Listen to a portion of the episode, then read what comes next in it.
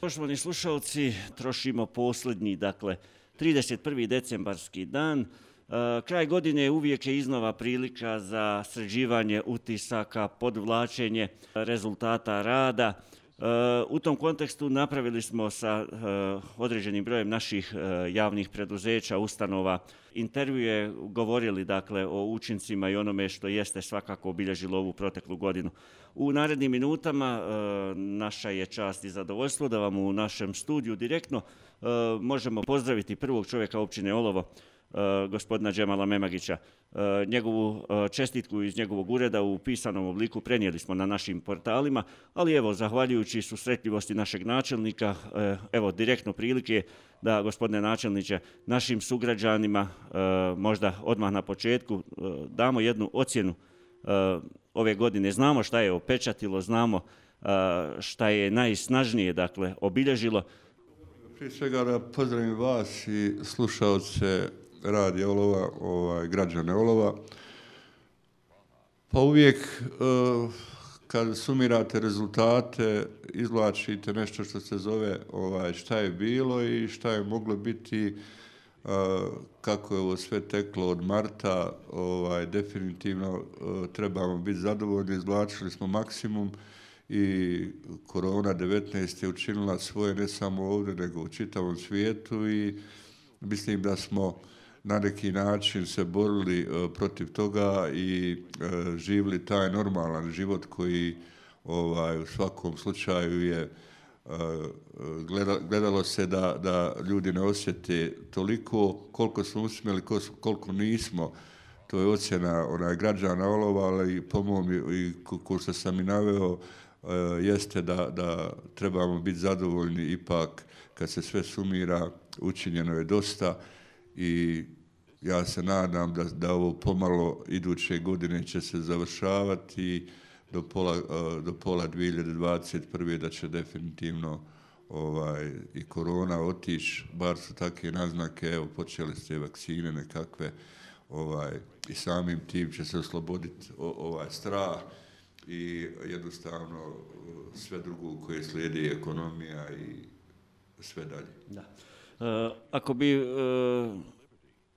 osim korone, dakle, e, tražili ono što je obilježilo 2020. godinu, onda to svakako jesu e, lokalni izbori i e, vaš reizbor na treći po redu na mandat općinskog načelnika. Mi smo vam to čestitali, brojni građani su vam uputili čestitke, niste imali konkurenciju u ovom izbornom ciklusu. Evo, dakle, sa ovom novom 2021. godinom počinje vaš treći načelnički mandat. Pa ja lično sam volio da je, da je bilo kandidata koji bi se ne suprostavili, nego natjecali da u svakom slučaju ako imate više ideja, bolje dolazite do nekih rješenja. Ja ne znam što to nije onaj bilo, ovaj, do, do stranaka koje su predstavljale onaj kandidate, ali šta je tu je. Ja se zahvaljujem ljudima, građanima koji su glasali za mene, ipak je to veliki broj ljudi i definitivno očekuju nešto bolje. Nešto bolje će naravno u dosta segmenata biti, ali isto tako bit će i ono s čime se mi moramo boriti, a to je da jednostavno e, ekonomska kriza koja je, koja je vidljiva u svijetu, pa neće zaobići i olovo. E, jednostavno, moj mandat se E, sadrži što sam ušao u treći mandat, to je e, ovo rješavanje nekih naših prirodnih resursa tipa onaj šumarije, akvaterma, turističkog dijela, zelenog vira, to je sve nešto bilo započeto i, i sad je započeto i mislim da svojim prisustvom ćemo to dovesti do kraja i samim tim pokušati zaustaviti odlazak onaj ljudi iz olova i definitivno privući druge onaj ljude ovdje u Olovo. Bilo je to dobro krenulo, međutim korona je učinila svoje, ali e, ne smijemo se puno e, pravdati na koronu. I sad imamo tako kako imamo, onaj situaciju, e, konstruiza sjednica je zakazana, čini mi se za 11.1.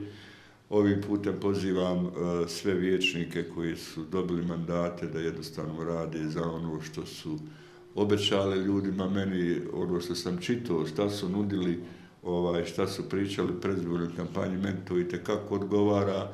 E, opozicija treba da postoji, e, ja ću to znat, onaj cijent, ali isto tako ne trebamo samo kritikovati, nego trebamo i pomoć da se riješe neki problemi i da se zaustavi odlazak odavde i ovi koji žive da bolje žive. Na određen način oteli ste moje sljedeće pitanje. Htio sam kazati da su e, ljudi dakle, u ovom izbornom ciklusu izabrali jedan novi sastav općinskog vijeća. Htio sam pitati, dakle, e, očekujete li e, onakvu saradnju ili podršku temeljenu na iskustvu ova, prošla dva saziva vijeća?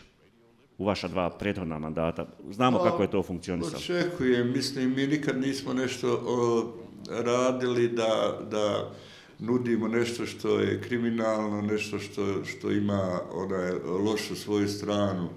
Ovaj, nudili smo to u projektima koji su vidljivi, uvijek smo nalazili tu neku većinu, bilo je ti neki sitnih kritika što je dobro. Ja očekujem ovog saziva vijeća da jednostavno nude ideje i da imaju svoje ovaj, šefove, imaju svoje ministre, imaju su, da odatle crpe ovaj, sve što se zove onaj kori stolovu i ja mislim da jednostavno će to doći vrijeme da ljudi shvate da više stranače nije utakmica jedna protiv drugih, nego utakmica ideja, odnosno ovaj e, kadrova koji nude najbolje i zato se očekuju nekakve promjene i u državi i svakdje. Sasvim je razumljivo, gospodine načelniče, da e, je dakle, briga za živote, za zdravlje e, broj jedan. Ali odmah posle toga je, e, su ti egzistencijalni uslovi i potrebe ljudi. Ljudi sasvim s razlogom, gledajući ovu kompletnu situaciju, strahuju za egzistenciju. Borba je za svako radno mjesto. To će, pretpostavljam, biti u fokusu ove 2021. godine.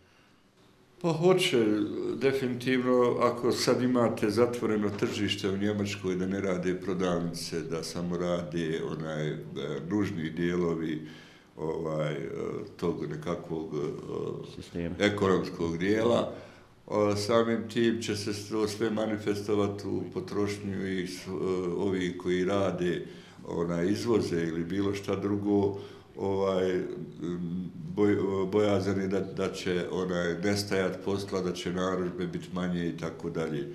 Međutim, u svakoj, ja sam pristalica toga da u svakoj nesreći onaj, treba izvlačiti e, iskustva i jednostavno se prilagođavati. Nikad se ne zna šta nas sutra čeka i definitivno, evo, bilo je uh, dosta koji su e, dobro radili, bilo je dosta koji su imali problema, ali moramo shvatiti da recimo i na zapadu svaki dan preko 100-200 firmi ostane, onaj, ugasi se, druge se formiraju i mi moramo malo ovaj, e, tako raditi, moramo ono što nam se nudi ovaj, prilagođavati se i samim tim ovaj, e, dobiti ta radna mjesta. Drugu stvar, mi imamo strahovite probleme u funkcionisanju države, federalne vlade, stalno se to nešto mijenja, evo vidite, Tuzlanski kanton, Sarajevski kanton, Zenički kanton, ona je trebao biti neki, nekakvih promjena i tako dalje. Same te vlade dok se mijenjaju, nude svoje, na kraju ovaj, ne bude ništa, definitivno ovaj, po meni šuplja priča i mislim da su građani uh, Bosne i Hercegovine i federacije onaj, siti toga. Nama treba stabilna država, stabilna vlast, stabilna opština, stabilno opštinsko vijeće, onaj, da imamo programe uh, dugoročne, uh, kratkoročne i tako dalje, da bi jednostavno ljudima pružili šansu da uh, ostvare svoja, ljudi malo traže, traže posao, onaj, uh, čovjek, a ne posao bilo kakav za, za sitne pare i traže definitivno uh, sigurnost u nešto što se zove ova država, a kad sve ovo slušaju, ovaj, naravno da u najvišem dijelu potežu da odu inostranstvo. Samim tim, odošli nam ljudi koji vrijede i iskustveno i sa fakultetima i radnici, evo, svaki radnik, vozači, ne znam ja šta sve. I onda ako doživimo taj kolaps da nemamo onaj ljudskog kadra, džabamo ovo sve što pričamo. Ja nisam nešto optimista, da budem iskren, onaj, jednostavno dugo, dugo ovo sve traje te izborni, izborni procesi, onaj, puno obećanja i ako imate moje priče prije osam godina gdje sam kazao da je ova država opterećena sa administracijom, sa bespotrebnim ljudima, sa stranačkim podobnim ljudima i tako dalje, to ako se ne prekine da stvarno taj novac koji mi crpimo od građana ovaj, u poredskom sistemu, PDV-u i tako dalje, ne okrenemo u radna mjesta, u produktivnost i obnovu onaj, resursa, mislim da će sve više ljudi ići i onaj, imat ćemo nešto što je problem. Ja se opet nadam da, da, da će probuditi se svijest ovi ljudi koji su na vlasti, da definitivno pokrenu smanjenje administracije, da e, porezi e, na dohodak i porezi na ovaj plaće i tako dalje budu manje kako bi evo jedan primjer da da nije 69% na plaće, da je 49% sve to moglo ići radnicima. To se radi o nekakvih 200-300 maraka onaj razlike i sad zamislite čovjeka koji ima 800 maraka, date mu 1100 i dvoje kad radi imaju 2200 i onda bi se uh, teže odlučivali da idu. Tako da ima dosta tu prostora da napravimo dobro, ali uh, uh, neke stvari treba onaj uzbiljiti definitivno tražiti, pa i štrajkovima, Bože moj, onaj, i to je jedna solucija gdje ljudi ostvaraju svoja prava. Ja mislim da, da su dosta šutili ljudi, onaj u dijelu nečega što se zove bit će bolje, sad treba ako ne bude bolje natirati ljude da bude bolje. Da. Sve ovo o čem ste govorili, o, o, ova politička ljuljanja, da ih nazovemo sa viših nivoa, uh, utiču, mi bi voljeli da ne utiču, ali se reflektuju i na stanje u našoj lokalnoj zajednici uh, i po prilivu sredstava i po ostvarivanju određenih prava, uh, koncesija i tako dalje. Evo i mi izražavamo nadu da će to tako biti, ali evo ta situacija je upravo i ta kretanja su srezala i naš lokalni budžet. Morao se prilagođavati, evo on je u, u formi nacrta, e, imamo privremenu odluku o finansiranju, ali evidentno je da, da će ta, ti prilivi biti manji.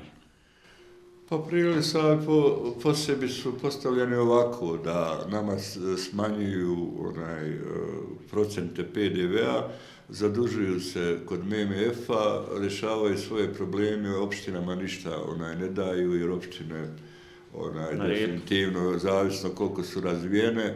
Zato je borba za Sarajevske opštine, Sarajevski kanton, u Sarajevskom kantonu je koeficijena 2, u Zeničkom dobovskom kantonu je 1,2. To su sve stvari koje definitivno onaj, e, te, te političke ararhije, ja im zovem onaj, uh, E, tako, bez razlike, ja sam neka opcija, ali definitivno sam kritičan nečega što se zove uh, neravnili prihodi, negledanje svih opština, uh, naravno jednako, svih kantona i tako dalje i onda dolazimo do nečega što je vidljivo. Sarajevo je država u državi, tu se dešavaju sve stvari, ljudi žele tu da odu onaj, da tu žive i stvaramo jednu kritičnu masu gdje jednostavno tu će biti strahoviti problema kasnije u dijelu infrastrukture, u dijelu svašta nešto što se zove onaj život. I iz Sarajeva dolazi do, do nečega da ljudi odlaze, a mislim da bi više se trebali te općine koje mogu privrijediti, razvijati, a ne samo te centralne opštine ovaj, ko što je Sarajevo, ne znam ni ja. I nema uh, više neke borbe posebno, niko ne, ne, od nas ne ide u Zenicu, ne ide u Tuzlu, nego u Sarajevo ili inostranstvo.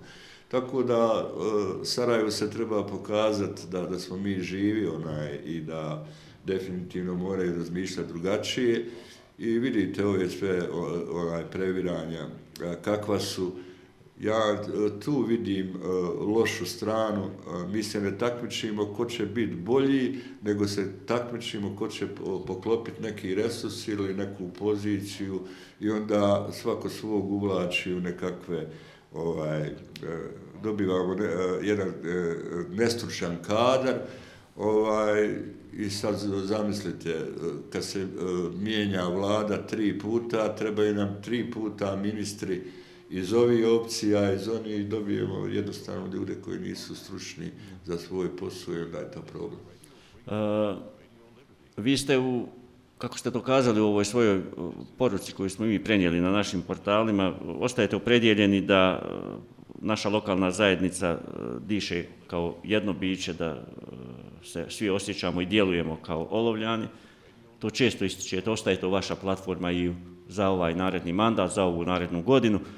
To je, jel tako, uz čestitku, naravno, građanima, evo neka bude završna poruka.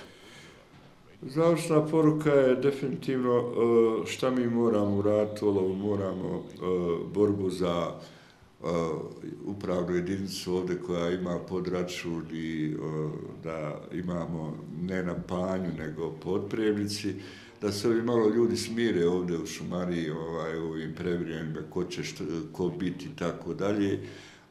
Ima mjesta za sve i mislim da Šumarija je jedan ostao glavni resurs.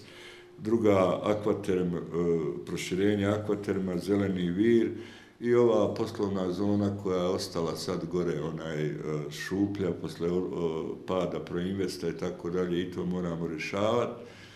I sve ovo što radimo u manjim biznisima i tako dalje, ovaj, to e, ja vidim tu šansu da, da bolje živimo. Građanima želimo onaj, naravno sretnu novu godinu njima i njihovim porodicama, zato što definitivno ipak je bila ovo patnja ovih devet mjeseci. Ljudi su iscrpljeni i strahom i gubljenjem posla i ne znam nija. To je negdje bilo u Havi gdje, gdje nismo bili, onaj, utjecalo je dosta na psihu ljudi, E, nada se da će biti uz Božiju pomoć bolje i e, ako još mi se e, suzbijemo redove da znamo šta hoćemo, da nismo jedni protiv drugih, ja se nadam da će biti dobro. Dijeleći vaše nade, dijeleći, dakle, želeći da uspiju ovi planovi koji su svakako pozitivni za olovo, i mi vama, gospodine načelniče, želimo prije svega dobro zdravlje, želimo vam evo, da nastavite onako poletno kako ste to do sada činili, razvijati ovu našu lokalnu zajednicu. E, povjerenje građana koje vam je ukazano pokazuju da, da mi to svi zaista želimo. A evo, pridružujemo se i vašim čestitkama, našim slušalcima, našim građanima, želimo, želimo da ostanu sa obje noge na zemlji, dakle da ostanu e, pri zdravom razumu, da logično razmišljaju, da upremo ta naša zajednička kola svi u jednom smjeru i da 2021. godina, ako ne bude godina blagostanja, onda da to bude godina oporavka i godina sa koje ćemo krenuti u pozitivnom smjeru. Hvala vam na željama i vidimo se. Hvala.